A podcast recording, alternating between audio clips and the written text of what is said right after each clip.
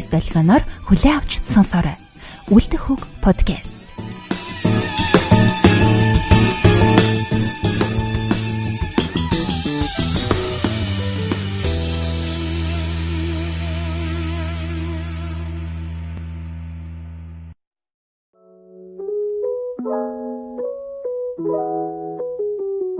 За, эрхэм мөндөг сонсогчтой, үзэгчтэй үлдэх хөг подкастын маань шин дугаар та бүхэнд хүрч байна. Үлдэх хөг подкастыг Creative Radio тагтаа хэвлэлийн газар хамтран хүргэдэг байгаа. За, өнөөдрийн дугаар болохоор бид нэр а дуртай өгүүлэлгээ уншдаг энэ дугаараа үргэлжлүүлнэ. За, тэгээд энэ маань Непко хэвлэлийн газар, тагтаа хэвлэлийн газар хамтраад дэлхийн шилдэг зохиолчд Монгол төдөг төслийг эхлүүлж байгаа. Тэр төслийн маань анхны зочноор Хятадын алтар зохиолч Юха Монгол улсад 9 сарын 16-наас 18-ны хооронд одоо ирж уншигчдтайгаа уулзах гэж байгаа. Энэ үйл явдлыг тохиолдуулаад бид нэр одоо Юхагийн одоо нэг өгүүлгийг унших гэж ирсэн байгаа тий. За юу ч гэсэн эхлээд аа Юхагийн айлчлалын тухай дэлгэрэнгүй мэдээллийг ойлоо өгье тий. За тэгье. За 15-ны шинэ буугаад тийм нарийн те. За 16-нд талбай намын өдөрлөг дээр хүрэлцэн ирж.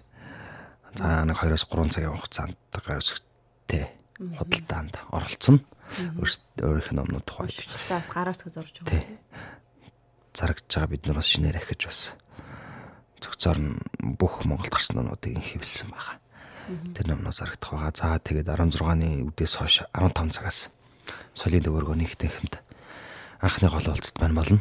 За тэр бол 1300 хүний судалтай маш том тамхин байгаа учраас одоо хүмүүс багталцахгүй гэх юм зовлон бол байхгүй. 17-нд залуу зохиолчд уран бүтээлчтэй уулзах уулзалтыг бас зохион байгуулж байгаа.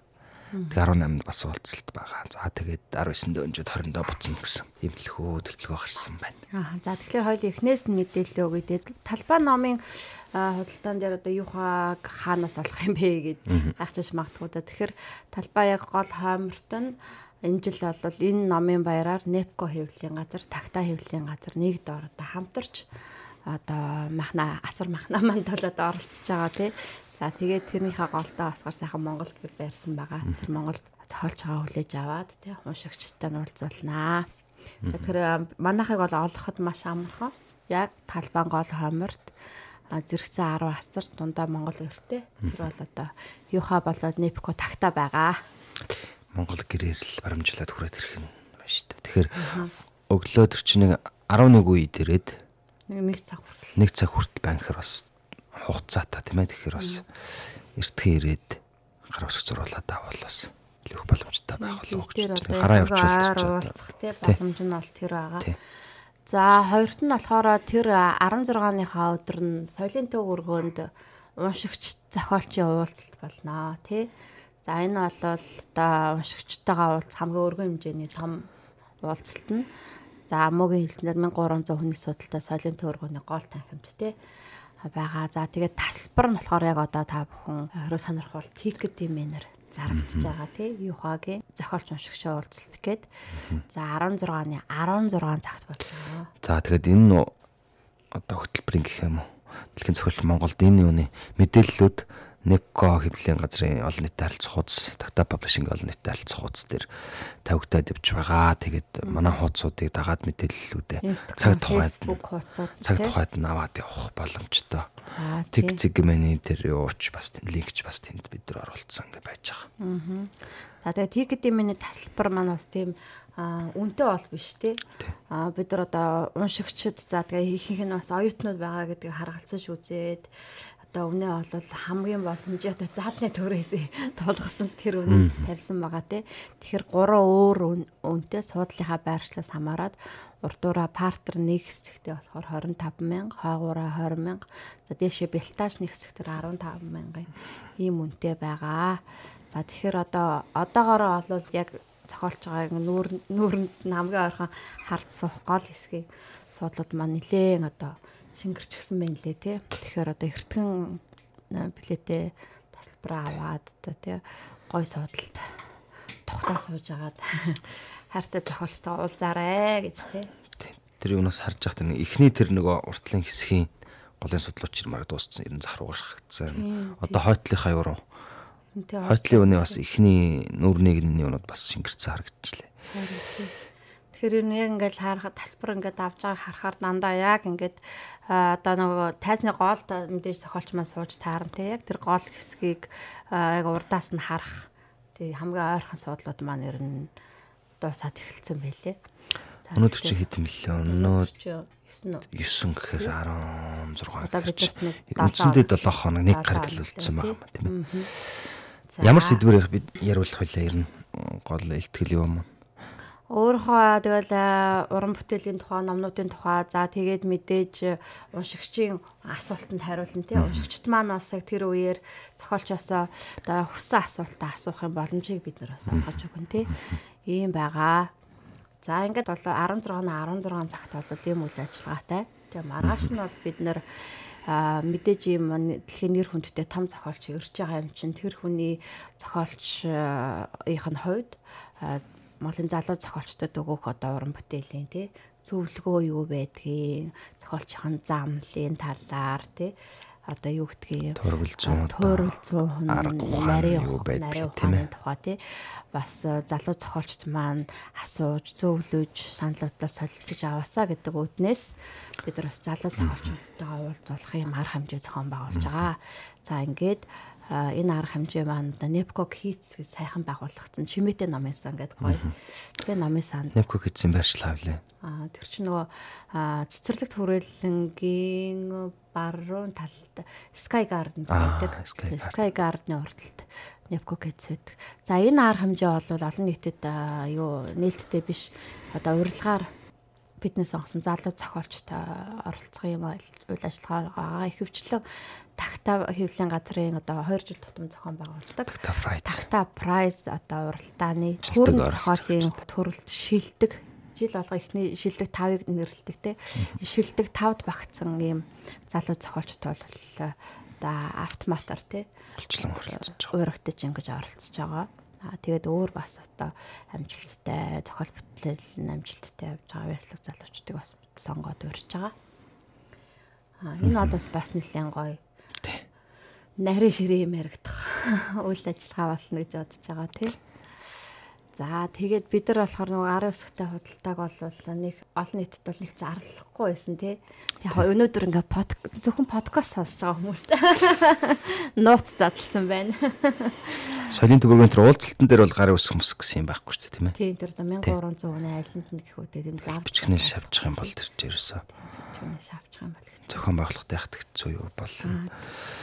За тэгээ мэдээж нэг хүлэн авалт байгаа. Тэр хүлэн авалтанд бол одоо Монголын урлаг соёлын бас те а одоо Ахмад үеийн төлөөлөгч, дунд үеийн төлөөлөгчд манаас оролцож са- санал бодлоо те яг хувийн журмаар сайхан солилцох байх гэж бодож байна. За тэгээд мэдээж Монголын сайхан орондоо урьж авчирснаа сайхан хангаад дэлхийгээ үзүүлж таараа те.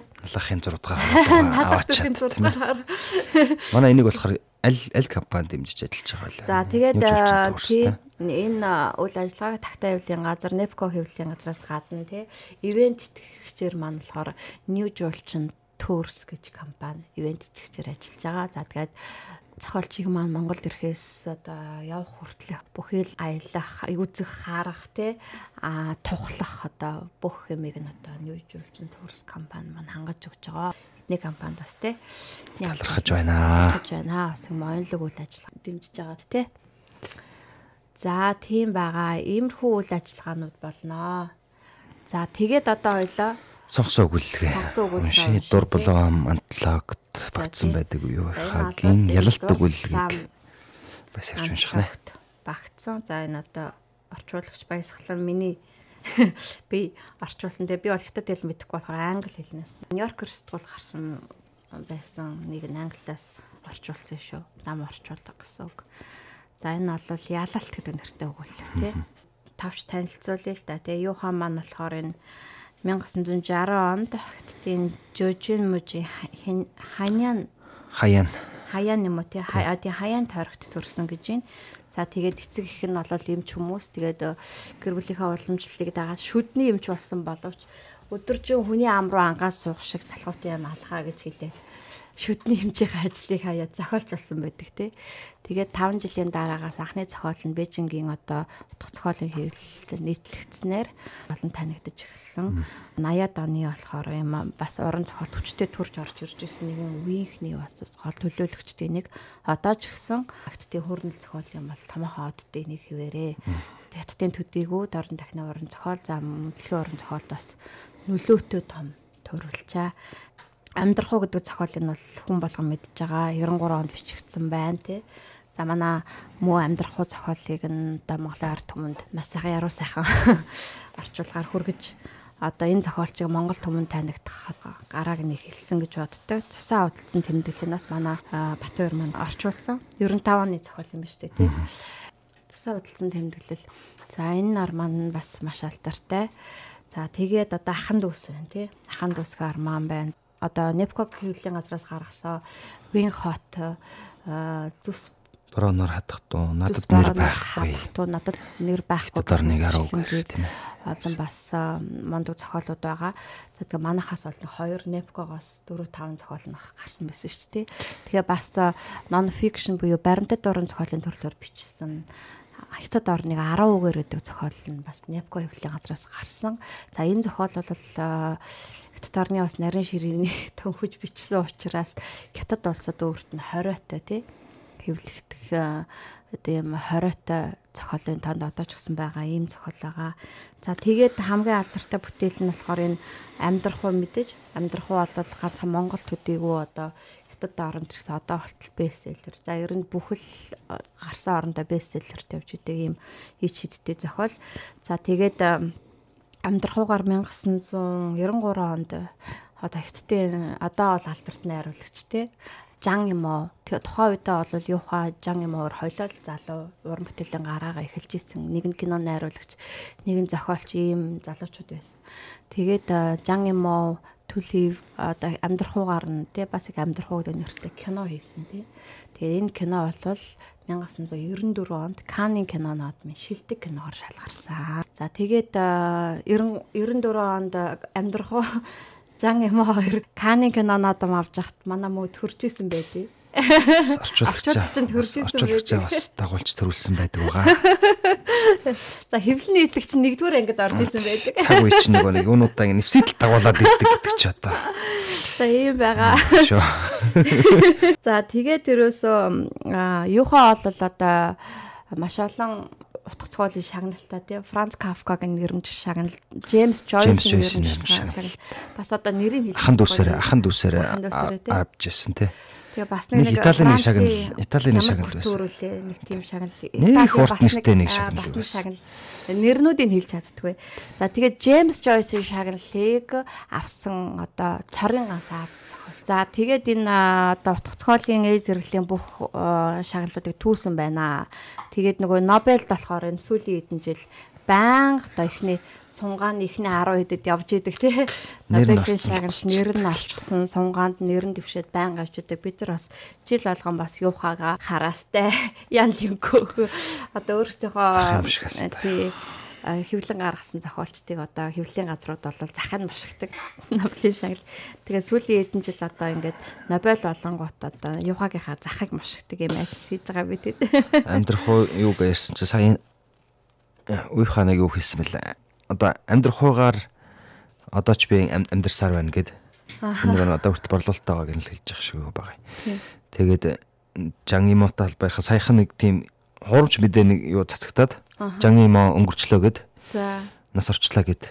За. Тэгээд тэгсэн чинь ахаад нөө залруулга нь явж байгаа хгүй. Тэгээ сайтууд тэгсэн чинь Жан Имо биш. Жан Имогийн багшин байсан байна. Одоо кино урлагт өнөхтөлсөн гэж ярьжсэн. Тэгээд амьдрахуугаа биччихэд байж захтайг нөхөр Бээжинд хүрээд ирсэн. Амьдрах гээд хүрээд ирсэн. Тэгээд нэг юм юу дурсамж байсан. Би ингээд 9 м квадрат ингээ байранд капсул тий 9 м капсул гэсэн баха. Одоо яг тэр одоо метр квадрат би юугийн нэг жигийн шилжүүлж бодох тоодч үзээгүй зүгээр тэн дээрээс 9 юм квадрат байранд ингээд би амьдарч байсан. Аа тэгээд а гэхдээ хятадууд нэг юм үг гэдэг болжмор хідээж ижихэнч таван цул бүрг гэж. Аа. Яг тэр үшиг Миний одоо тэр жижигхэн байр хэдэ жижигхэн гэсэн бүх юмтай юм байр байсан. Угаалгын машинтай, номын шүүгээтэй, телевизтэй. Тэгээд бичгийн юуны ширээтэй юм байдаг гэсэн. Би тэгээд ном авч уншихын тулд телевиз авч тавиад буулгах тавьж жагаад доотлих нь хайрцагны ямыг нь одоо ингээд нэгэт юм ээ тэгж жагаад ингэдэг байсан юу гэдэг ч юм уу. Яг тэр үед амьдрах хог ингээд бичсэн. Ингээд байж исэн. Тэгээд жан юм хоёрч кино хийхээр. Ирж санал тавиад урдчлага 25 мянган доллар ч лөө юуач л өгөөд. Тэгээд эрхийг нь аваад явсан гэж. Тэгээд юм бол миний язын ном намааг одоо Нуран бүтэлийн зам юунд хөдөлгсөн тийм ээ. 9 м квадратаас гарч өөр байранд орох одоо тийм хөшүүрг юу болсон.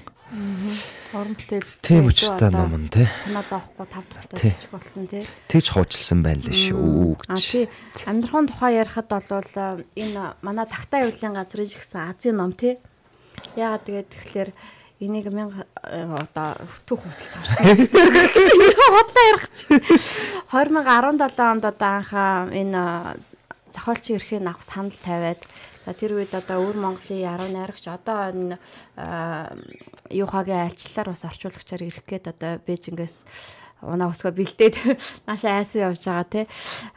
Дүүрэн жаргал маань юухатай ам анх холбогдоод юм тагтаа гэдэг юм залуу шинээр үүсгэн байгуулж байгаа хэвлэлийн газар байгаа маа. Энэ таны амьдрах уу гэдэг зохиолыг хэвлэхийг хүссэн юм аа гэд ингээ холбогдоод өгсөн чинь өө тийм анх шинээр үүсгэн байгуулж байгаа юм компани юм болвол зохиолоо одоо бэлгэлчихье гэд тэгээ ингээд ямар ч нөгөө нэг зохиогч ирэх мөрөнд мөнгө төлөхгүй бэлтгэлийн гэрээ хийж анх удаа хүнээс ном авч ирсэн. Тэгэл тухайн үедээ яг ямар ном бэлгэнд авч байгаа ч мэдэхгүй. Тэгээд манай муу орчуулаад бид нэр ингээ хөвлөд гаргасан боловч одоо энэ болохоор сүүлийн 6 жил бестселлерийн тавцангаас огт буугаагүй. Манай эвлэлийн газрын цорон ганц Азийн ном байна. Азийн ном бестселлер. Манай эвлэлийн газрын цорон ганц бестселлер. А тэгээд энэ маань одоо бол Монголд орог 40 хэдэн мянган хувь ингээ хэвлэгдэж байна. Тэгээ ягаад би нэг Азийн ном гэхлээр амьдрахуу байхгүй бол тагтаа эвлэлийн газар аваад айл хэдийн хаалхаа бариад дампуурсан байгаа. Бидний нөгөө гаргадаг ном маань одоо яаж батсан ч ингээ 1000 2000-аас дээш нэг их явдггүй тийм одоо бид нар ч нөгөө арилжааны бус жинхэнэ одоо уран зохиолын жансаатай бүтээл, задгал кино урлагийн философи энэ төр гэл тиймэрхүү юмнууд ингээ хэвлэнэ гэж зорцсон. А тэгээд тийм болохоор яг эднэр маань яг ингээд дангаараа болвол ингээд оршин тогтноод одоо түрээс мөрөөс байр сав цалин цавгаа хангаад ингээд явах бол ямарч боломжгүй байдаг. Тэгээд зөвхөн амьдрах уу гэдэг ном бол яг ингээд нэг 100 хитэн чингэлэгтэй юу галт тэргийг нэг зүтгүүрэн чирцэн явж идэг штэ. Тэр шиг ингээ манай хөвлийн газар бол ганцаараа хөөх юм ингээ чирээд явдаг манай зүтгүүр зүтгүүр за за энэ номгоо бол одоо юм тагтаа эвлийн газар угаас аль дээр үд хаалга барьсан байна. Яг эдийн засгийн утгаараа бол энэ бол яа харахгүй тоглоом биш үнэн л дээ. Би тийм болохоор одоо би одоо юуха зохиолч тийм одоо хүний нэг өгтөө өгье гэж өгсөн юм байдаг шүү дээ. За яг хөрхийн хүмүүс эхэлж байгаа юм байна энийгээ те. Бид нар одоо өөр хизээч хинээс чи юм бэлгэлийн гэрээгээр ном авч үзээгүй Тэгээ ингээд бэлгэнд ирсэн, үнгүү ирсэн. Тэгтэл одоо ингээд бид нэр яа гэж өгч тийм өгье гэж өгсөн тийм. Ингээд одоо ёо тэгээд амьдрахын ачаар цаашаага одоо тийм бид нэр одоо тагтаагаас хэвлэгц одоо өчнөө олон өөр дэлхийн мундаг судчуудыг одоо орчуулж хүргэж уншигчтай хүргэж байгаа. Юухагийн ачаар одоо тагтаагаас гарсан бусад номыг одоо уншигчд маань уншиж байгаа тий. Гэсэн үг шүү дээ. Юухагийн ачаар одоо тагтаа ревю сэтгүүл, тагтаа прайз тий. За тэгэл бүх юм ингээд оршин тогтнож байгаа шүү. Тэгээ тийм болохоор энэ хүнийгээ одоо Монголд урьж авчрахтаа бид нар одоо маш их баяртай байгаа. За өгүүлэг рүү орох уу? За өгүүлэг. Ялалт гэдэг өгүүлэг байгаа. Эрэгтэй хүн сонсоход маш хэцүү байна гэсэн. Аа хэцүү. За, ялалт гэдэг өгүүлэлэг. Линхон хүүхэн Ли Ханлины шүүгээс авыг зэгцэлж байгаад Нимбайлан ивсэн хуучин тогтоо олжээ. Нээж үзвэл дотроос наанайл Нимбайлж ивсэн бас нэг тогтоо гарч ирэв. Тэр тогтоон дотроос бас нэг тогтоо гарч ирж түүнийг нээвэл нэг түлхүүр олджээ Хаанаас нь ч харсан гоцгоод юмгүй байдаг л нэг хөнгөн цагаан түлхүүр. Гэтэл ли ханлын түүнийг юун тэгтлээ нандагнаж 3-ын 3 давхар тогтоонд хийгээвэ. Линхон түлхүүрэг нь гартаа эргүүлж тойруулж хараад хүний гарт жаахан ийлж хэр суусныг нь анзаарчээ. Овоо удаан хэрэглэгдэж буйд бололтой. Химжээг нь харахад хаалгалав дийлэхгүй цүнх юм уу шүүгээ шургуулах нэх бололтой. Бүсгүй түлхүүрийг авч Ли ханлины ширээний дэргэд очоод шүүгөөнийх нь цоожинд шургуулж үттэл эргэсэнгүй. Дараа нь өөрийнхөө хідэн цүнхэнд тэндээсээ Ли ханлины цүнх савнуудад шургуулж үзв. Эцэст нь гэрийнхээ цоож суурахтаа бүхэнд хийж үзлээ. Таарах юм нэг ч олцсонгүй. Ямар тач гэр оронтой нь холбоотой эд биш болж таарлаа. Тэгэхээр гадны ямар нэг этгээдтэй холбогдох эд. Хардах, түгших, сэр буу, жор татах мэдрэмжээ 20 жил дийлэх лин хон бүсгүй 30 насныхаа дундхан үеийг туулж яваа бүсгүй гартаа өнөөх түлхүүрээ атгсан хэвээр тагтан дээр хөрсөн мэт удаан суужээ. Гагцхуу тэнгэрт галтайх нарал хөдөлгөөнгөө суух биен дээгүүр нь хүндэлсэж алгуурхан нүүсээр тэр гүн бодол дарагджээ. Уц тугурхад л сая сэхэр шаралцуураа авахар дотогшоров. Нөхөр нь холын нэгэнд зочид буудлаас залгаж байна. Линхон ханилын байна.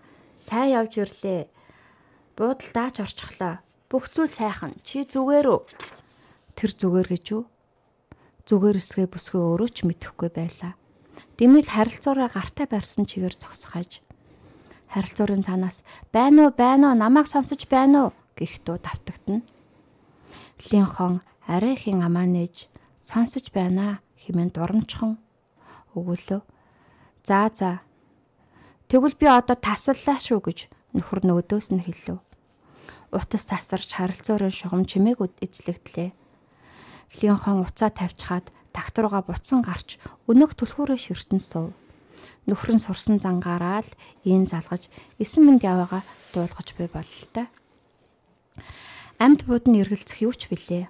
Хувцнууд нь тагтан дээр хэцэнт тохоостой хан дахшаазанд дүрн малигаастай татсан тамхиных нишнүүд үнсний савн дотор нэгц тарагцсан хിവэрээ Найзууд нь ч хол явсныг нь мэдлгүй эрс сурж уцстан "Юу гинэ? Ахаад ажиллаар явчихаа юу?" гэж дуу алдцгаах нь янзаараа байхад Түлхүүрээ ахаад л харлаа. Эр нөхрийнх нь бүхий л оршихуу ганцхан тэр л түлхүүрээс хамаарч буй юм шиг. Ганц халтар түлхүүрт юу агуулгадчих буй бол хамгийн татны ганц хүн гэж бодож явсан нөхөр нь өнөөх гурван тогтууд тэр түлхүүрийг яаж чандлан хадгалсан бilé яг түүн шиг өөрөөс нь хаацаалах нууцтай. Тэр нууц нь бүсгийн чухмал ад шаргалтай амьдрах нь гэж итгэж явсан цаг хугацааны эрх тушаалаар задрах хувьтай байжээ. Хариуг задрах гэж буй тэр нууц өөрийг нь бүхэлдэн сүрүүлнэ гэдгийг бүсгүй зөнгөөрөө мэдэрч байлаа шатаар өсөх хүний хөлийн чимээ дуултна Линхон гисээр хаалхан дээрээ очиж чагнуул хөлийн чимээ дээшилсээр тэднийхээс зөрөөд явчихлаа. Маргааш өглөө Линхон хүүхэн Ли ханлины ажил руу очиж нарийн бичгт нөхрийнхөө шүүгнээс хэдий юм авах хэрэгтэй байна гэжээ. Ажлынх нь бүгд түүнийг тань. Эхнэрүүд л болсон хойно нөхрүүдийнхээ тогшлыг эмхэлж авдаг нь гим биш зан. Нарийн бичиг залуу цонхны наад талын ширээ рүү өгдөөгүй залаа. Бүсгийн өнөөх түлхүүрээ лин ханлины бичгийн ширээний шургуулганд зоож эргүүлвэл цоочных нь онс торхийн мултарлаа. Чингэж шургуулган доторх том дугтуунаас тэр нөхрийнхөө нууцыг олж мэдсэн юм. Дугтын дотор нэгэн эмэгтэй хоёрч зураг байна. Нэг нь далайн ирэг дээр усны хувцастай ахуулсан зураг. Нөгөө нь харцхан өнгөтэй хөрөг байлаа. Лин хооноос насаар залууч гоо үзэсгэлэн дутуу хүүхэн ажээ. Басгүй чин чин гэж нэрээ таталсан нь таван цагтл гарч ирлээ. Тэр нэрийг хармагц бүсгүй нүдэнд гал төрөлцөх шиг боллоо. Чин чин яа харахгүй авгаалга. Өөрийнх нь харж ч байгаагүй тэр хүүхэн нөхөртөө авгаалгаараа харцдаг байх нь. Загтал барсан гар нь чичирч эхлэв. Нялуун өг халуун сэтгэлээр бялуурсан загтлууд байлаа Ли ханлын тэр хүүхэнтэйгээ байнга уулзаж уцаар тогтмол ярьдаг бололтой. Цагтлуудаас харахад тийм байлаа. Уянгатай үгс янаг сэтгэл нь дуусч дундрах шинжгүй. Сэтгэлээ илэрхийлэх боломжийг загтлууд нь л тэдэнд олгодог нь мэдээж. цагтлуудынхаа нэгэнд бүсгүй лин ханилынд уцсныхаа шин дугаараа өгчээ. Гэртээ харсны дараа лин хон буйдан дээрээ суугаад өнөөх долоон оронтой уцсны дугаарыг удтал гүлрв. Дугаараа тогтоочход утас авч залгалаа. Утас хідэнтэй дуудсны ард байна уу гэх эм хүний хоолой сонсогдов. Чин чинтэй ярих гэсэн юм гэж линхон хоолой заслаа. Би байна хинбэ? Царгаа сөнгөтэй хоолойтой хүүхэн санаж. Лин ханлын ихнэр байна гэж тэр хэллээ. Уцны цаана таг чиг болчихлоо. Гэхдээ амьсгалах, бүр давчуухан амьсгалах нь линхонд сонсогдно. Ичдэггүй хүүхэн юм а чи гэж линхон хэллээ. Тэгснэ жигшүүртээ жаахнаа мэдхгүй өөдгүй гэснэ хамаг биеийн салгалан чичирч цааш юу гэхээ мэдэхгүй таг болчихоо. Тэгтэл харилцаурын нөгөө талд ярьж эхэлж байна. Наад үгээ ли ханлын тал хэл. Линхон төсөлгөө муу ичхүргүй амтан чи бидний гэр бүлийг самарчихлаа хэмээн хашгирлаа. Тэгтэл өнөөх хүүхэн өөдөөс нь би танаа гэр бүлийг самраагүй тайвшир би самрыч гэж бодоагүй байна. Лин ханлын бид хоёр хүрэх ёстой хязгаартаа хүрээд зогсчихсон. Түүнтэй гэрлэх сонирхол алга. Бүх эмгтээчүүд өөр шиг чинь байдаггүй юм гэж хэлээд уцаа тасалчихв. Харилцуурын дуу чихэнд нь хангинахад линхон зэвүүрхсэндээ нулимсан сул асгаран толгооноос хүл хүртлээ салган чичирч зогсно. Тэр харилцуураа байрсан хിവэр хөшсөн мэт хэсэг зогссноо ахин нэг дугаарлуу залгав харилцуурын нөгөө талд байна уу байна уу хинбэ яагаад дуурахгүй байна гэх эрэгтэй хүний баргал хоолой сонсогдно. Линхон байна. Өө линхон. Лин ханлын ирчгээ юу? Үгүй ээ. Одоо болтол ирээгүй гэж юу нилээ дудлаа биш үү? Нэр нь тийм ч удаагүй юм байна. Би түүнтэй 3 хоногийн өмнө таарсан шүү дээ. Энэ удаа ямар ажиллаар яваав те? Нөгөө ус цэвэршүүлэгчээ сортолчсаар явна уу? ёстой хуурамч хог байна лээ дээ. Надад нэгийг өгөхөөр нь туршиж үзсэн юм. Нэг аяган цэвэршүүлсэн усыгээд бас нэг аяган зүгээр усыгээд харьцуулж харах нэ ялгагдах юм юу ч байхгүй шүү. Аль алиас нь балгаж үзэхэд амт нь хүртэл адилхан байна лээ. Линхон эрэгтэй яриг тасалж чи чинчин гэж эмэгтэй таних уу гэж асуув. Цаатах нь чинчин гэж лавлснаа таг болчихлоо. Линхон уцаа барьсан чигээр хүлээсээр байв. Тэгтэл сайхаар би тийм хүн мэдэхгүй гэж арай ихэн дуурхаж. Линхон аль болох бие барихыг хичээнэ. Лин ханлын хүүхэнтэй болсон шиг байна. Миний араар сэмбэгнэж явдаг юм биш үү? Тэрийг нь чинчин гэдэг юм байх. Өнөөдөр л олж мэдлээ. Тэд байн гуулцж уцаар ярьж захаа занаа хүртэл бичлэлдэг юм байна. Өнөө хүүхнийх нь бичсэн загтлууд ч надад байна. Уулзлаг болоод жилээс илүү хугацаа өнгөрч байгаа. Энэ удаад уцсны цаадахэр линхоны яриг тасалж би лин ханлын нэг сайн мэднэ. Гэхдээ чин чин гэж хүн өрөөсө танихгүй юм байна. Чи буруу ойлгосон юм биш үсттэй. Зүгээр найзууд ч юм билүү гэснэ. Уучлаарай хүн хаалга тогшиж байна. Уцаа барьж байгаарай гэв. Харилцуурын цаана уцаан доош тавих чимээ гарч удалгүй хоёр эрэгтэй хүний ярилцсан айсуудууд тодров. Өнөөхөр уцаа ахин аваад байна уу гэлээ цаатах нь лин хооны үгийг хүлээж хүү бололтойч бүсгүүд үргэлжлүүлж ярих хүсэл төрсөнгүй. Тэгээд зочин ирсэн бол дараа болъё доо гэлээ. Тэгээ дараа энэ талаар ярилцъя. Ингиж хэлээд өнөөхөр уцаа тасаллаа. Бүсгүй харилцуураа байран хэсэг зогсноо ли ханлины найзуудын бас нэгийг нь дугаарлуу залгалаа. Уц туудаж харилцуурын цаандах хүн байна уу гэв. Лин хон байна аа Линхон сайн уу?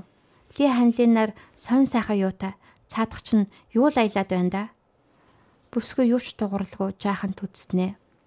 Чи чинчин гэж хүн таних уу гэж асуулаа. Усны цаад тал таг чиг болчихов. Бүсгүй удаан хүлээж төсөлгөө. Лин ханлын миний араар өөр хүүхэнтэй явалтаж байна гэд хэлчихлээ. Цаатхан сая л хилд орсон анцтай яалаа гэжтэй гэж сандран хариулснаа Ли ханлан тийм юм хийх хүн биш шүү дээ. Би түүнийг сайн мэднэ. Чи л арай хэтрүүлээд байгаа юм биш үү гэж байна. Надад нотлохоо би тэр хүүхнийх нь бичсэн захидлууд явуулсан зургууд сая түүнтэй уцаар ч ярьлаа. За би өстө юу ч мэдэхгүй юм байна. Сайхаар энэ дуу цанаа л нэг хөндөй сонсогдно. Линхон түнээс юу ч бол сонсохгүйгаа мэдсэн үү? Уцаа шуутхан тавьчихад тагт руугаа гарч суулаа. Ли ханлын дахиад хідэн найз бич тэднэрөө залгалтай биш бүгд найзыгаа өмөрч хүүхнийг өрөвцөн дүрсэх нь дамжиггүй. Олон жилийн өмнө түүнд Жао Пин, Жан Лини, Шүн Нин гэдэл өөрийн гэсэн найз нөхөд байсан.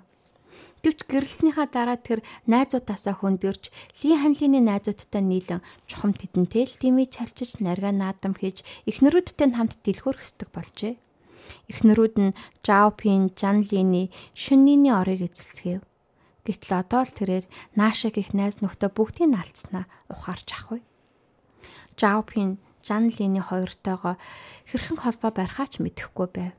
Харин шөннийнтэй жилийн өмнө гудамжинд таарахтай уцсныхан дугаарыг цаасан дээр таталж авсан. Гэвч тэр цаасаа ном завсар хийж орхиод таг мартчихжээ. Дуудлагыг нь шөннийн нөхөр авлаа. Тэрлийн хооныг уцаа барьж байгаараа гэд хэсэг чимээгүй болсны дараа за хинбэ гэх шөннийний дуу тодхон сонсогдлоо. Линхон байна. Уцсны цаана шинлийний баярлан дуу хадаах сонсогдоод үг хэллэх сөхөөгүй элдв асуултаар болж өгвөө.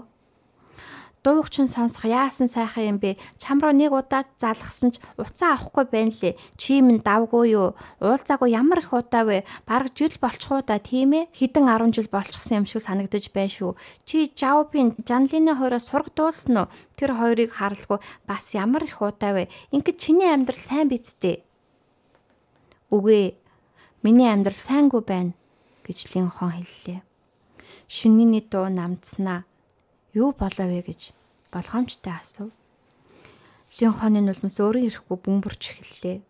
Нөхөр намайг хуурч байна. Өөр хүүхэнтэй гэж хэлээ тэр үгэн дуусгаж чадлагүй ихэр татаж эхлэв. Юу болсон юм бэ гэж нэншин дахин асуулаа. Өчигдөр гэлэнхон ихэр татснаа. Өчигдөр Түүний шүүгөө саавнуудыг янзалж байхад би нэг дугтаа олсон юм. Задлаад үзтэл дотроос нь хоёр дугтуу гарч ирсэн. Гурван давхар дугтун дотор нэг түлхүүр нуусан байна лээ. Сэжигтэй санагдаад өнөөх түлхүүрийг гэрийнхээ цоож сурахтаа бүхэн тааруулж үтсэн юм. Гэвч нэгэнт нь ч таараагүй. Тэгэхээр ажлынхан ширээний түлхүүр болж таарлаа гэж бодоод өнөө өглөө ажил дээр нь очтол тэр хүүхний бичсэн загтлуудыг зурх хөрөгтөнд олдог байгаа. Шинийн яриаг нь сонсмогцээ уур хүрмээр юм а гэдэл хараад эхэллээ. Линхоны талд орхон арайхийн гарч ирлээ. Гомдол зэгүүрхэл нь одоо л нэг тайтгарлыг олох шиг. Би бүхнийг түүний л төлөө хийдэг байсан. Өөртөө ийм тийм юм наахсан гэж нэг ч удаа бодож байсангүй.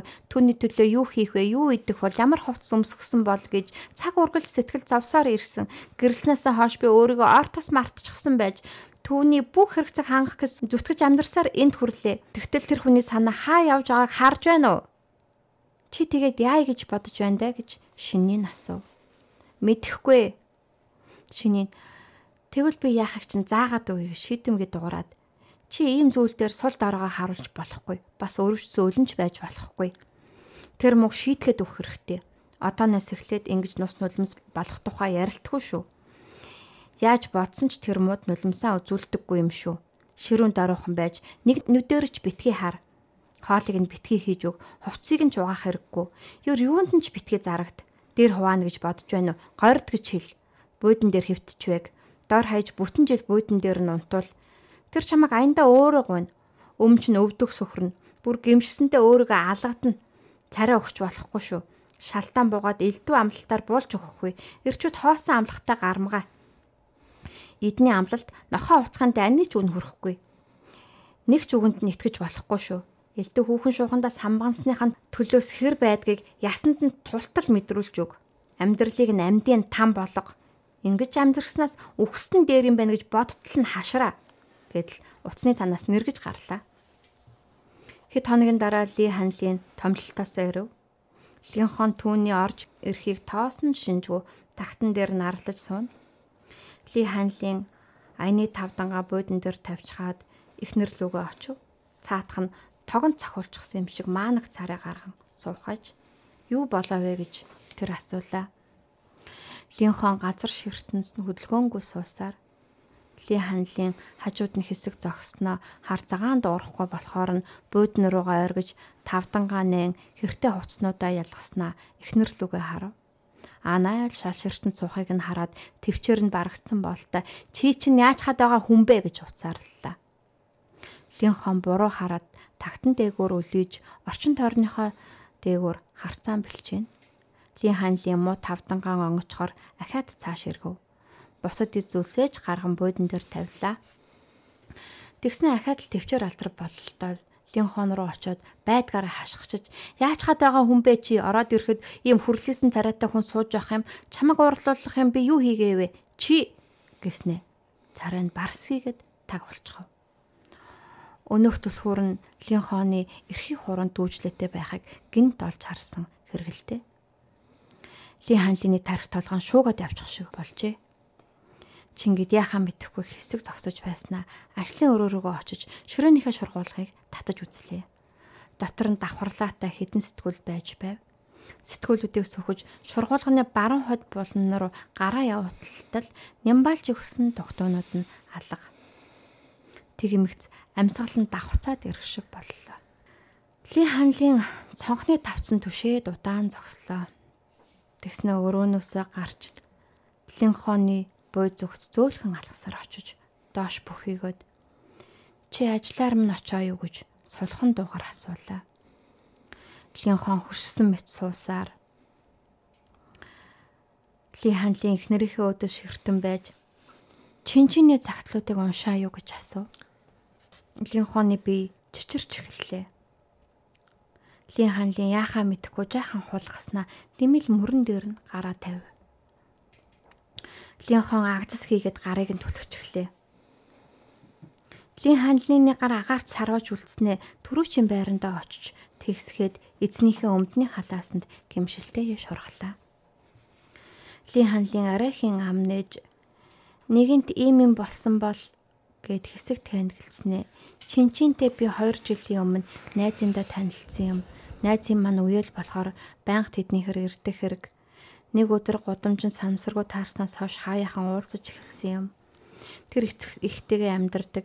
Би чамтай амьдардаг болохоор бид хоёр өнөө бид хоёр өнөө юу юугаа ор хүнжилт орчих боломж байгаагүй. Хаяа уулзахаараа кино үзэж цэцэрлэгт хүрээлэнд очих юм уу? Зүгээр л гудамжаар халахцгаадаг. Тэр бид хоёр үнэндээ бид хоёр үндэ үнсэлцгээс хэтрээгүй хэмээн дорой дуугаар өчөв. Линхоны нүднээс нулимс бөмбөрнө. Өнөөх гар халааснасаа гарч бүсгийн мөрөнд дахин хүрсэн ч давхын цааш хатрахт нь буцан байрандаа орлоо. Лин ханлын толгоогоо маачснаа би түүнтэй ийм л харилцаатай чамааг олж мдээгүй байсан ч тэр бид хоёрт түүнээс цаашлахгүй байсан бидний гэрлэлд надад маш их үн цэнтэй чамтай босгосон амьдралаа би хизээч нураахгүй гэж байна. Линхон суудлаасаа өндөж унтлахын өрөө рүүгээ орсноо хаалга тасгийт л хаачихв. Ли ханлын огтхон ч хөдөлсөнгүй.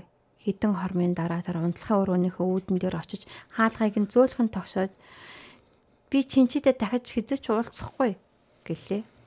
Харин Линхон тэр надаас өршөөл хэрж уйлж дуулсангүй, өвдөх сөхөрсөнгүй, нүд нүрээ алгадаж ам тангарахч өргөссөнгүй, байтлаа бүр уучлалтч гуйсангүй хэмээн шаарлхан бодож ахгүй. Гэхдээ тэр ямар ч байсан буудан дээр унтах нь унтлаа. Үүн дээр бол шинийн алдаагүй аж. Манер хэр гүн шаварт унаснаа дэнслэх гэсэн мэт линхоны орны хөлд хэсэг тэнэгэлзэж зогсноо аргагүй ихэрэнд буудан руугаа гэлтэрчээ.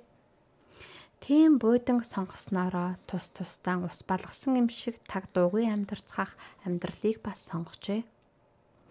Ийхүү тэд тус тусдаа амьдарч эхлэх нь тэр Ли ханлын чинчиний тухай ахаад нэг ч үг унгасангүй. Бас айлын нөхөр яаж агилдаг билээ тэр бүхнээ ч ор тас мартаж алхан бүртээ сэрэмж болгоомжтой байх болов. Гэр дотор холгохтой айл болох чимээ гаргахгүй хичээнэ.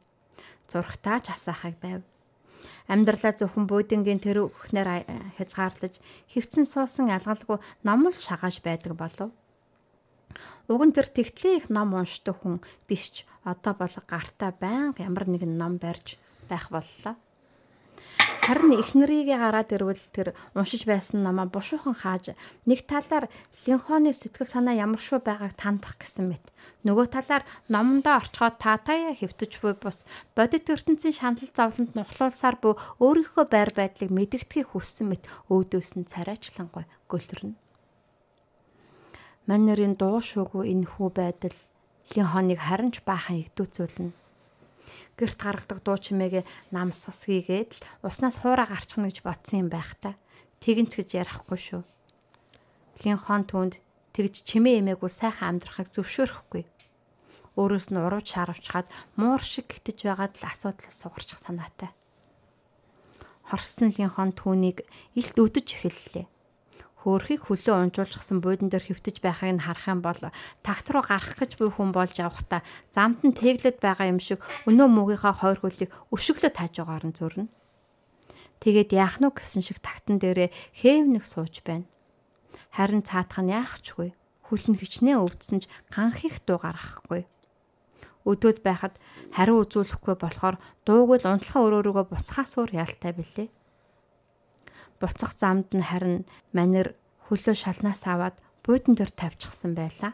Линхон өдөн хатгалгаа зогсоосонгүй. Үчээр тэрээр өрөөнөөсөө гарч ирж буудан дээр лин ханлын хэвтэр хувцас хунар намуудыг бүгдийг нь хуу татаж шал руу шидчихэд оронд нь өөрөө суугаад зургтаа асаан тухлав. Хамаг юмыг нь хуу хамт шийтгэхэд лин ханлын уг нь буудан дээрээ сууж байсан юм. Гэвч зургт асмагс тэндээс чимээгүй хүн босоод такт руугаа гарчихв. Тэгээд тагтан дээрээ явган суугаад номоо уншиж эхэллээ. Лин ханлын хүлцэнгүй номоо байгаагаа батлах гэж Линхоны хажууд суух хамтдаа зурагт үзэгч ирэхгүй гэдгээ бүрнээ ухамсарлж бууга мэдгдэх гэж тэгж байгаа юм. Тэрээр тагтны хатуу шалан дээр суусаар дороос нь холгол босож жаахан зогсчход ахаад л доош суун номоо ширцээр Чингээд лин хооныг өрөөрөөгөө орсон хойно цайныг өндөж буудлын руугаа очоод шалаар шитсэн юмсыг нэмхэлчгээд унтахаар хэвтэв. Нөхрийнхэн тийм ажин түжин байдал лин хооны уурыг бадрааж байлаа. Хэрүүл үтсэн бүх хүлтэл нь далайн ус руу чулуу шидэж буйтай адил замхраад алга болох ажээ. Маргааш оройн лин хон ахиад л унтлахаа өрөөнөөс сэхэлцэн гарч ирээд буудан дээр хэвтчихлээ бүр зүрхтээ асаалтаа чигэр нь унтчихад өглөө болтол сэрсэнгүй. Өнөөхөө л чадч буй царайнд боловч зориуд тэглээ гэх аргагүй таавар харагдах аж. Тэрлийн хооны унт хорон зайг булааж авсан мэт харагдвч үнэндээ бол өөрийнхөө зөөлөн орыг найр тавьж буй хэрэг бөгөөд цаадах нь ч өгөөшийг нь өмхөж тавлаг сайхан оронд нь бүүвэлүүлээд нам унтчихвол хэрүүл шугаан эхлүүлэх сэдвтэй болно. Гэвч өглөө сэртэл Ли ханлын галтгооны ширээ дэрлэлчихсэн сандал дээр унтж байлаа. Хөөрхий Ли ханлын гэр орон дотроос сүүлийн хавчин явах нь өөрөө өөрийгөө шийтгэж байх мэт. Гэвч энэ маягийн шийтгэл нь Лин хооныг давхар шийтгэж байлаа. Тэр урсахыг хүссэн нулимсаа урсгаж чадахгүй, хашгирахыг хүссэн үгсээ хашгирч чадахгүй бугшсаар уджээ дүрлэлцэн их хур цээжинд нь асууж гадагш тургаж чадалгүй байсаар тул утаа нь ууган гашууруулах аж. Одоо түнд нөхрийнхөө өмнө өвдөг сөхөрч өршөөл эрхийг хүлээгч утгагүй боллоо. Шинийний тамгалсан хариу үйлдэлүүдийг Ли ханлинаас олж харна гэдэг горгүй хэрэг ажээ. Тиймээс Лин хон одоо дэлбэртлээ уурлаж хэрүүл шуугаан тарихыг хүснэ. Цусаан гартал зодтолсон ч яадаг юм Ингиж тус тустай дүнбиш суухаас л дээр. Гэвч саатхан түүний өдөн хатгалгаад өөр автахгүй байгаа нь өөрт нь зориулж сонгосон шийтгэлийг эсэргүүцэж буйтай адил байлаа. Түүний өөрөө өөрийгөө яллаж тэр ялла дэндүү нэр төртөө ёс тахимдаа үүрч буйн эцэстээ амьдралынхаа гачлан зүзгүрт аятаа яг зөгцөөд эхэлсэн хүний дүрийг линхон санагдуулах болов. Өглөө бүр тэрээр линхоноос уртан гарч орой ажиллаа тарахта түүний араас орж ирнэ. Ийм байдалд химлэлтийг ихнэ ганц яс ч олдохгүй аж. Нөхрийнх нь ажлын хооны ажлыг бодоход хол болохоор өглөө заавал уртан гарч оройн дандаа хождож ирнэ. Өдрийн хоолой ажил дээрээ идчихэж буйн мэдээж. Гэвч оройн хоолой хаана болгоод байгааг хэлэх аргагүй. Орой орхитой галзуухаар шагаахан бүөхэл тэр зүгт хялам хийх ч үгүй байхыг бодоход хооллцоход ирж буй тодорхой. Орж ирээд өнөөхөл буудан дээрээ суугаад ном шагаана. Эр нөхөр нь инхүү линхоны амьдралыг сүрүүлж бүсгөх сэтгэлийн хямрал тарчлал руу чулуудаж байлаа. Өөрөө болохоор тэр зовлондоо бүр эдээшин дасчихсан явахыг гинэ. Нэгэн үдэш линхон тагтан дээрээ зогсож байтал ли ханлын байрныхаа доод талын зоогийн газраас гарч ирж харагдах нь тэр. Орой хоолой тэнд иддэг байж. Линхон бачимсандаа салгалан чичирч байлаа. Өөрт нь нэг өдөр гэдэг бүтэн жилсэг санагдаж байхад тэр зоогийн газраар орж гарсан шиг амьдралын тансаглалаар биеийн хэрэлж явах гэж. Бүсгүй шуутхан гэрээсэн гар шатаар уруудлаа. Уг нь тэр хэдийг хооллчихсан ч ахаад гидсэн дүүртэл идэж авахаас сийхгүй болжээ. Ли ханлинта доод давхар таарахта хялаач чарлгүй хажуугаар нь сүнгэнэн зурж дөнгөж сайхан гарч ирсэн зоогийн газар руу н орж явчихлаа. Тэгээд хитэн тавг хоол дарс захиалсан ч түүнээсээ ганц хойр халбатахаас хэтэрсэнгүй. Зоогийн газарт 3 хоол захиалсныхаа дараа баахан мөнгө үржигсэндээ санаа зовж эхлэв. Линхон бухимдсандаа дундын хадгаламжийн хідэн цаас руугаа өм цөм орж байлаа. Тэдэнд гарын салгаар асгаад байх их мөнгө байхгүй. Гэр орондоо авах ёстой наад захын зүйл өдий төдий бий. Гэвч уурандаа шатсан Линхон зоогийн газар руу нэг ороод зогссонгүй нөхөртөөгөө тэнд яг таарах хүртлээр өвчнөө удаа хаалхыг нь татаад амжижээ. Хаалгаар нь ормогт аягтай гомн руу тонгоон суугаа нөхөр нь хамгийн түрүүнд нүдэнд тусчээ. Алсуурхан нэг ширээнд суугаад эргэн тойрноо харвал хаасайгүй ширээ дүүрэн тансаг хоол хүрсэн хүмүүсийн зайд нөхөр нь ганц аягтай гомон ховдоглон өмхөлж байлаа. Тэгтэл лин хооны зүрх ягаад ч юм өвдөх шиг болжээ. Маргааш нь бүсгүй өөртөө аяг хоол хийхдээ лин ханлынд ч бас хоол бэллээ. Чингэд хоосон аяган дээр савх зөрүүлж хажууд нь өөрийн бэлтгэсэн хоолоо тавглаад галын өрөөнийхөө хамгийн нүдэн тусах газарт тавив. Орж ирэмхтээ анзаарч хараад өөрийг нь гонсойлголгүй идчих байлгүй гэж бодож. Цаатхан ч аяг харуутаа нүдэн сэргэж надад зориулсан юм уу гэх шиг линхон руу харав. Чингээд хэдийн гомин идчихсэн ч эхнэрийнхээ өөртөө зориулж хийсэн хоолыг ширээнийхээ ард тухалж байгаад л дуустал нь идэж орхив. Хоолоо идэж дуусгах үед нь Линхон хэдийн өрөөндөө ороод хаалгаа хаажгсан байлаа. Орон дээрээ хөвтөж байтал хаалга торхын дугарч нөхөр нь орж ирэх сонсогдов. Тэр тэнэгэлсэн анстай хэсэг зогсож байсаа орных нь хүлд суугаад ярилцах уу гэж асуулаа. Линхон хариу хэлсэнгүү. Лин ханлын хэсэг түтснэ хойлоо ярилцуул яасан бэ гэж сулхан дуурав. Хүүхэн нөхрийнхөө өмнөөс аянга цахилгаан аадар бороомт нэрглэх үгсийг хүлээн тагчиг хөвцээр үг хаглах үүргийг Ли ханлын өөрөө л үүрэх ёстой мэт бодогдно. Нулимсаан цөөрүүлж өршөөлт эрдэггүй юм гэхэд ядчил цээжэ балбаж хөллөө дэвхцэж өвдөг сөхөрж шинийний хэлсэн ясаар ам тангар хүргэж сонсохыг хүссэн бүх үгийг нь хэлэх ёстой босов. Тэглээгээд линхон уурч хайлахгүй урдын анзар жишимгүй суух нь мэдээж гэлээч гим хийсэн хүнд ядаж тэр зэргийн үйлдэл үзүүлэх ёстой ёо да. Гэтэл өнөөх нь ярилцах уу гэх айдаад л сууж байдаг. Тэр орны хөлд удаан суусан ч линхоныг хар цагаан дуу гарахгүй байхаар нь аргагүй бололтой дээш үндэж өрөөнөөс гарлаа хаалга зөөлгөн хагаад гарсан хонлын хон мэлмрүүлэн уйлж гарав. Тийм санаа амар гараад явчихж яаж чадаж байна. Лин ханлын буцаад буулн руугаа очлоо. Эвлэрхэн гэж бодож байтал эргээд л байр байрандаа очихын тэр. Энэ маягаар 26 хоног өнгөрсөний ард Лин ханлын төвчөр үнэхэр барагджээ үе мөвчт нь заадал бүрээрээ ингэнэж хүзүүн байн хөшөж ходоодны архах өвчтэй болж байгаагаа ч линхонд тоочоод хоёлаа ийм байдалтай цааш амьдарч болохгүй гэж зөвхөрсөн байртаа хэллээ. Одоо л үнэн голоосоо үгэн өчч буйныг хаширдаг зан гаргаж байх хариун тасарсан бололтой. Линхоны өмнө очоод зогсчихсон. Гар хөлөө савчаад өөртөө ихтэлтэй нарахгүй ярина. Би өөргөө шийтгэхэд дууслаа. Гэтэл чи намайг уучлахгүй. Хоёулаа энэ маягаараа цааш амьдрал зовж шаналлах хүн нь ганц би биш. Чамд ч бас дэвшвэрлэшгүй хэцүү болно. Би төвчж тэсэх хязгаараа хэдийн давчсан. Одоо ийм байдалтай амьдарч чадахгүй. Үнэхээр аргагүй болсон юм бол гэж хэлээд тэр хэсэг түдснээ. Аргагүй болсон юм бол хоёул салхаас үр яах вэ гэлээ. Ли ханлиныг ярах зуурт буруу харан зогсож байсан Лин хон энэ үгийг сонсоод давхин эргэж харлаа. Салах тухай мартж үз. Чи намайг гомдоосныхаа төлөөсөг төлөөгөө байгаа шүү. Одоо ингээд сүлээ авчаад зүхтчих болно гэж бодоо юу? Чин чин рүүгээ гүөхгээ юу? Тэгж ч ярихгүй. Би чамайг хөвшин төгсөг болтол чин шар махтай чин хатаана. Хүн өвтөл чин үүлэг чин үзнэ гэж мэд. Ли хаанлины царайд инээмсэглэл тодорхойг хараад Линхон сая сэхэ оржээ. Тэр шар махтагаа хатаж, үсээн цайж, ясан гартал үүлийн мууга үцгэс үнэндээ хулчихгүй байгаа аж. Тэгнэгвэл өчүүхэн зэсэргүүц бодол түнд байсангүй. Түүнийг нь мэдмэгцээ Линхон яхаа мэдхэ болчихов. Нулимс нь сул бөмбөрхэж.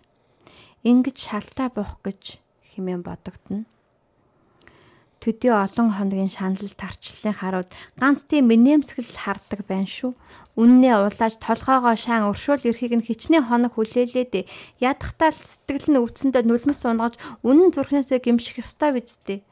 Тэгтэл тэр энэ бүхнийг алийг нь үзүүлээгүй. Тэгсэн мөртлөө урд нь баатарлаг гихчин зогсож байгаад одоо хойлоо салхаас өөр яах вэ гэж аимшиггүй зоригтой мэддэгддэг байна шүү. Линхон нулимсаа шудраад заа заа үз салсан ч дээр үздэй гэлээ. Түүнийг ингэж хэлмэгц. Лин ханлын өрөндөх нэмсгэлэл орморгүй арчигдчихв.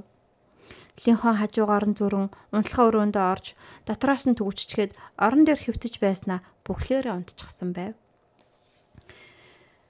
Тэд бүртгэлийн товчоор руу алхаж явлаа. Нэгэнтээ гэрэлдээ батлуурахаар очиж байсан газар лууга одоо гэр бүлээ цоцлуулахаар алхаж явна. Гудамжны нэг талын өндөр ханны дагуу Ли ханлын урд нь Лин хон ард нь алхана. Ли ханлын байсгаад л зогсож Лин хоныг хүлээхэж хин хин нүг дуурсангүй. Ли ханлын их л шаналж буй бололтой хөмсгөө байдгаар нь зангидчихсан толгоогоо унжуулж алхана.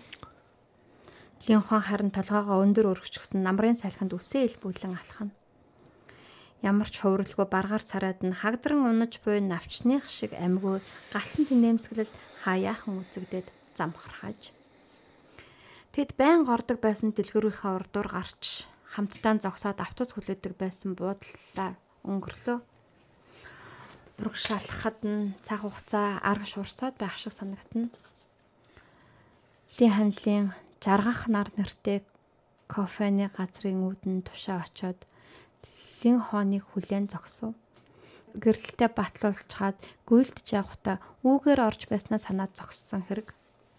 Удамж руу харсан цонхныхан дэрэг суугаад эрен кофе, эмэн спрайт ундаа захиалан ууж бэлээ. Ийшээ орж юм уугаад гарах уу гэж Ли ханлын асуулаа. Ли ханлын нэг гүйцэж ирсэн Лин хон хойш хэргэж дээш харуул үүднийхэн тотгонд жаргах нар кафе гэсэн үг бүтээх гэрлэн утас гунигтая анивчин байлаа. Линхон юм уух саналыг нь зөвшөөрч тэд хамт дотог шурав. Их үдийн үест болохоор үйлчлүүлэгч цөөхөн байлаа. Тэд анаал гудамж руу харсан цонхныхан дэргэд сууж эрен кофе, эмэн спрайт захиалав. Гэрэлтэн батлуулчаад ийш гүйлтэн орж ирэхдээ юу ууж байснаа хин хин тодхон санаж байлаа. Ли ханлын эхэлж нэмсэглэлээ. Линхонч мөн нэмсгэлсэн боловч мөчийн дотор хинхэн царайгаа бараалгаж бие биетэйгээ харс тулахаас айх мэд жишүү харан сууцгаав. Ерөн цонхоор ширтэж эмэн кофены газрын бусад үйлчлүүлэгчдийн зүгт гарцаа бэлчээлээ. Баруухан талд нь час улаан даашинстай залуу бүсгүй ганцаар суух хагаад тэднийг цоо ширтгэж харсан царай шиг Линхон юусан бэлээ хэмээн эргэлзэн цуутал чин чин гэснээр толгойд нь харун орж ирлээ. Тэгмэслийн ханлын руу харц чулуудав. Тэр ч бас бүсгийг харсан нэлт. Гайхсан царайнаас нь тэнд таарах юм гэж бодоогүй байсан нэлэрхий. Эргэж хараад Линхоны харцтай мөргөлтлөө. Юу болоод үг Линхон гадарсан гэдгийг мэдрэв. Дэмийл мушилслаа. Чи түнд хэлээ юу гэж Линхон асуув. Юуг? Салж байгаагаа хэлсэн болохоор ч тэр энд ирсэн юм биш үү? Үгүй. Линхоны зүрх ёг хийгээд явчихлаа. Ингиж яарах хэрэг байсан юм уу? Би хэлээгүй. Тэр юу ч мэдэхгүй гэж Ли ханлын тас гүрэлээ. Линхон түүний царай өөд нүд завчихгүй ширтэв. Цаатах нь өөр хуурахгүй царайтай суухыг хараад үгэнд нь сая итгэв. Тэгээд өнөөх залуу бүсгөрөө харлаа. Мөнөөхөн чинчинэн тэднийг ажиглаж сууснаа Линхонтой харц тулмагт дальтраад буруу харчав. Чам руу ширтээцсүүд очиж мэндийг мэдэх ёстой юм шүү гэж Линхон хэллээ. Үгүй гэж Линхан дургуулах нь. Хойлоо одоо салах гэж байж юунд нь санаа зовсон юм бэ? Үгүй гэж байна. Тэр нөхрийнхөө царай ууд харлаа. Тэгж тас гүрийнхийг нь хараад сэтгэл нь бүлээн оргоод ирэв. Өнөөх чинчинэр рүү ахин харуул энэ удаад тэднэр рүү ширцсэн юмгүй цааш харчихсан уртхан ууж байлаа. Хөл гарынхан тавилаас харахад тайван бус байгаа нэлт. Линхон цонхоор гүлрэн сууга Ли ханлин руу ахин харснаа намайг үнс гэлээ. Цаатхан гайхсан болтоо өөдөөс нь харж байна. Намайг үнс. Үүнээс хойш чи намайг ахаад хизэж үнсэхгүй. Тиймээс одоо ганц удаа л үнс гэж Линхон хэллээ. Лин хаанлын толгой дохоод ширээний дээгүүр өндөв. Миний хажуу суучхаа гэж Линхон суудал зааж байна. Цаатах нь өндөж Линхоны дэргэд сууснаа хацарт нь уруулаа хөргөв. Намайг тэрвэрлэлтэй гэж Линхон хэллээ. Хэлснээр нь тэрвэрвэл Линхоны уруул нүрийг нь эргэнүүлэн гулсаар доошилж уруулыг нь өмхөлж авлаа. Хүүхний гар биеийг нь ороож хэл нь амруу чихэлтэн орж ирэв бүтэн шин өнгөрөх шиг урт удаан үнсэлт.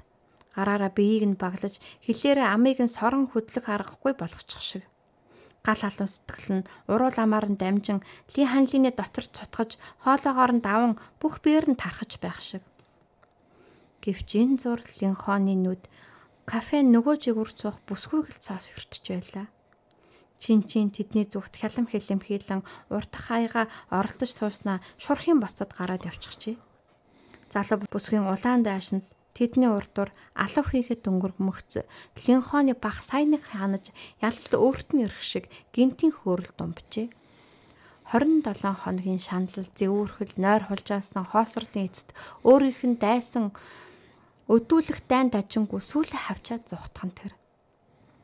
Линхоны гар нөхрийнхөө биеэс сулран хөндөрж хилэн амнаас нь сууран холтов тэр лин хаан линий өөдөөс хараад инээмсэглэлээ. Яа яг яасан бэ? За. За ийм өгүүлэг байгаа. За тэгээд тухайн үед уншаад зүгээр эмхтэй хүний нэг сэтгэл санааны байдлыг айгүй өөрхөн тийм эрэгтэй хүн бижиж айгүй нарийн мэдрээ биччихсэн айгүй таалагдаад тэгээл орчуулж ирсэн. Та чинь бас уурхач чинь бас эхний эктрээс салаад. Ийм юм болоо саллаа.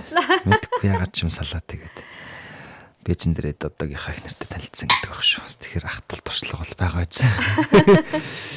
Мэдээж муудалцаж муудалцаж байгаа л бодвол салсан байлгүй дээ тийм ээ. Буудан дээр хадагдаж те. 20 хэд хоног хадагдаж байна уу те. Тэгээд гисэн баха. Одоогийн ихнэр яруу наригч юм билээ те. Тэг яруу наригч мэрэгчлээ үеийнхөө нөгөө Бээжингийн юм лүүшний нэрмжит утга зохиолын 2 жилийн академик төглөө. Тэнд сурахад бас тэнд сурсан юм уу та? Тэр үед л танилцсан байх гэж би ойлгосон. Өмнөх ихнэр нь болохоор уран зохиол юм тамаагүй хүн байсан юм шиг л.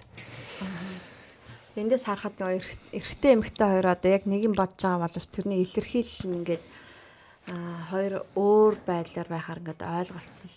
Уг нь бол нөхөр нь гимшээд байдаг тий. Эхнэр нь болохоор гимшүүлмээр байдаг. Тэгэл яг адилхан боловч тэрний нөгөө илэрхийллийн өөрөөр хүлээгээд байдаг. Сэтгэлд хүртэл гимшихгүй тий. Гимшиж өгдгөө өөрөөсөө нүрэ амаа алгадлаад өмнөс өгдөөд уйлж дуулаа буу юм болох юм болгосон чи нөгөө талынх нь гимшлээ илэрхийлж байгаа байдал нь 20 эдэн хоног буудан дээр унтаад те нам дуугүй байж одоо тэр өөрийнхөө оршихуй гэр дотроо яаж хязгаарлаж те шалтаа бууж байна нөгөө тэгсэн чи ингээд тэрнээс илүү юм хүсэж тэр бүр их нэрийнх нь бүр идүүгийн хөдөлгөөн бүр идүүгийн хөдөлгөөн илүү тухтай байгаад байгаа юм санагдаа те Би болохоор одоо эрэгтэй хүнийхэн талаас харахаар болохоор амар хэцүү байгаа. Эрэгтэй их нөө амар хэцүү л байна. Уг нь гимшээл амхан даг үгэрч. Хангалттай л гимшиж явах шиг байна. Хангалттай л гимшиж явах шиг. Сэтгэл нэр чөг. Тэгээд энэ нөхөр гардуулсан. Тэгээд уг нь ч нэх сүттэй мөгөн болоогүй л юм байна л да хөрхий. Хатаа сүттэй юм болоогүй. Үнсэлцэн л юм байна л да. Үнсэлцэн. Үнсэлцэн гэдэг чинь сүттэй юм биш юм уу? Үгүй тийм амар амар хурж мурчааг юм шиг юмдаг. Уг нэг 3 хоног урлагтал болмоор ах яваа гэх юм. 27 биш тий. Арай л 27 хоног ингэж болмооргүй л араар тавилт байх. Сэтгэл санаа нь хэр дэнсэлтэй бид яаж юм сэтгэл л чухал шүү дээ. Мэдгүй. Тэгээд би н хааж явж швэдэг ч байдаг сэтгэлээр л явцсан бол тэгээд хэцүү дээ. Гэхдээ сэтгэлийг шийтгэх хэцүү тий чи надаас намайг өөр надаас өөр хүнийг хайрлцтай гэж шийдэх хэцүү те. Тэр бол шийтгэлгүй юм баха. Тийм болохоор шийтгэлийг яг аргагүй нөө би махатын үйлэн дээр л ярьдаг бах те. Чи яаснуу ханснуу гэл. Яг сэтгэлээрээ явчихсан болвол ингээд эмгтэй хүн амар өөртөө ихтгэлтэй тэрийг шийдэх гээл те өөршөө гуйлах гал ингэх мингэх одоо бас бүр боломжгүй л ах л та. Эмгтэй ч эрэгтэй ч байлаа. Харин Сэтгэлээрээ явцсан болов? Тий. Тэр шийдэж ч одоо яах ч болохгүй шүү дээ. Тий. Тэгээ тэрийг шийдэх хэцүү тий. Шийдэх хэцүү тэгээд яах юм бэ ч. Хүн чи тэгж бодож гин яас одоо яах артаад л тааж хайрлт байна уу тэгвэл одоо орон хоног орон дээр унтгаж хэлэх хэцүү бодон дээр унтгаж хэлэх хэцүү те тэр болол тий за тэгээд тэр араар тавьс хурсан мурсныг ч нэг тийм жоохон тодорхой болгож өгмөр л харагдаад байдаг шүү дээ. Аа зөв хөл зөвчл заагаад. Энэ бол 3 хоногийн уурлах хэмжээ бол энэ. Тэгээд ингэсэн бол 27 хоног уурлаа. Энэ бол араар тавилт ангилалтай орохгүй. Гэдэг ч юм уу. Тэггүй болохоор одоо энэ чирсэн. Гэхдээ хамгийн гол нь нөгөө нөхөр нь бас өөрт нь гэсэн сэтгэл байгаа болохоор энэ эмэгтэй хүн ингэж амар бардмаар энэ хүнийг шийтгэж чадаад байгаа байхгүй. Нөхөр нь өөрт нь гэсэн сэтгэл айл хэдийн явцсан бол энэ 20 хэдэн хоногийн шийтгэл бол үргэлжлэхгүй л дээ. 20 цагийн яриа болоод энэ хүмүүсийн хооронд юм дуусгалаасан л тэгээд наад очиод КПГ-с гараад салгуулахаар одоо явсан болов уу яасан бол. Тэгээ ялалт гэдэг яг үүндээ энэ ялалт ч юм уугүй ч юм уу сэтгэл тий. Яг ингээд аа бас хэцүү. Хөрхий тэр хин л хоёр дулаа хөөсөн мань ахал хэцүү үлдэх шиг боллоо. Нөгөөх нь уурлаагаараа явц. Одоо бодвол тэрнээсээ гараад салгуулсан бол тэгээд одоо бүр. Ирхүү ирхүндээ хайртай гэчээр нөгөө тийм өвөрөвцсөөр. Агч л яхахгүй л гарт болцсон л байна л та. Түлхөр мөлхөрөө ер нь ажлынхаа төлхөртэй хамт. Гардуулаагүй нөгөө ер нь лалаагүй нууц нууц тооцохдох юм лээ гэдэг шиг нөгөө гардуулаагүй нүгэл бол нүгэл тооцохдох гайхгүй шүү дээ. Өөрөө өөртөө. Гайгууштай гэнэ. Өөрөө өөртөө л нүгэл шүү дээ. Тэгээд гардуулчих юм бол хоёр хүний хувьд нүгэл болоод. Гардуулахгүй бол дотроо л ингээл гимшээл явна гэсэн. Дотроо гимшээд явах уу тий. Гардуулгууд чинь нүгэл нь үржигдээд хоёр хүний сэтгэл орж гарч чад. Тэгээд За энэ буйн нүглийг бас бас ялгаж хэмжээг нь тогтоохгүй бол энийг бурангуй юм ярьж. Асар бурангуй юм ярьж шүү. Тэ. Хайхгүй буруу юм хийжээ хөрх юм. Буруу юм хийсэн гэдэг яг буруу гэж бодож байна уу яг? Одоо гарталцсан болохоор буруу болоод байна. Та юу ч ярьж байгаа. Яа, балиар амттай суугаад аа. Энэ өгүүлгийг тий. За тэгээд одоо юу ч хэвдээ одоо гэдэг. Одоо юу ч хэдүүлээ юу хэвдээ хэдүүлээ. Дүрчээ дүрч. Тийм байсан. За тэгээд энэ болохоор найзууд нь бас эр хүндээ эр хүн эр хүндээ хайртай гихчээр тий. Хилийн ханлын нэг уустай амар өмөрж штт тий. Хичээ найз бол амар зөвлөгөө өгч тэр нэгд бас амар өгш бас. Наадах болстой будаа хэлээ. Хатаа гэж. Тэр амшигтай зөвлөгөө ш бас. За тэгээд Али ханлын сэтгэл нь байгаа болохоор шар махтаага хатж байгаа болохоос байхгүй бол хатахгүй штэ. Тэгээд гол зөв шүү. Дөрөөлөл гараа явчихна штэ. Юу гэж харамтлаа. Хайр байгаа. Тэгээ хайр байгаа болохоор би юундээ ингэж түнж байгаа, ингэж яаж байгаа гэж нөгөөх нь ингэж өөрийгөө шийтгэж ингэж зовж байгаа гэж ойлгоод байгаа штэ тий. Амьдралын бас давн туулах хэвээр амар чухал зүйл үстэй иймэрхүү асуудал үүч. Тий. Би тэгээд яг ингэж нэг энэ хилчинг хооронд бас зүрдэг байхгүй. Тэгээд би яг анх ингээд хүнтэй суусныхаа дараа ингээд нэг жоохон юмнаас болоод ингээд нэг маргалтаа сайхан маргалтчмаа санагдаад хаад өөдөөс ингээд нөхцөл байдал яг ингээд ингээд яг оргилдоо тулахаар ингээд өрөөнөөс гараа явчих юм уу эсвэл ингээд хэм нэг сумгаад дуу аялаад байдгийг айгуу сонио. Тэгээ дуу аялж байгаа хүнтэй чи хэрэлдэх хэцүү. Тэгээд энэ яагаад тэгээд ийм юм болж ах дуу аялаад байд ингээ уур ураад байдаг байж лээ. Яг яг өнө одоо олвол тэгээд ааха за ойлгох. Тэгэхээр бид нэр өөр өөр хэлээр бичиж байгаа боловч тэгээд хүн төрлөختний асуудал бол адилхан шүү дээ тий. Өрөнд орно хятад Монгол хөл адилхан байх юм да зовлоо хүмүүс. Тийм байна. За тэгээд энэ энэ энэ үүлгийг ингээ ярахад айгу мөөд маш надад хэцүү нөө. байгаа учраас аа тийм байлаа. Одоо ингээд э, жаргай да гэж. Одоо дүрчээд шүү хөвдөө гэдэг лээ. Юу гэх вдээ гэдэг. За тэгээд э, өнөөдөр ялалт гэдэг нэртэй үүлгийг уншлаа.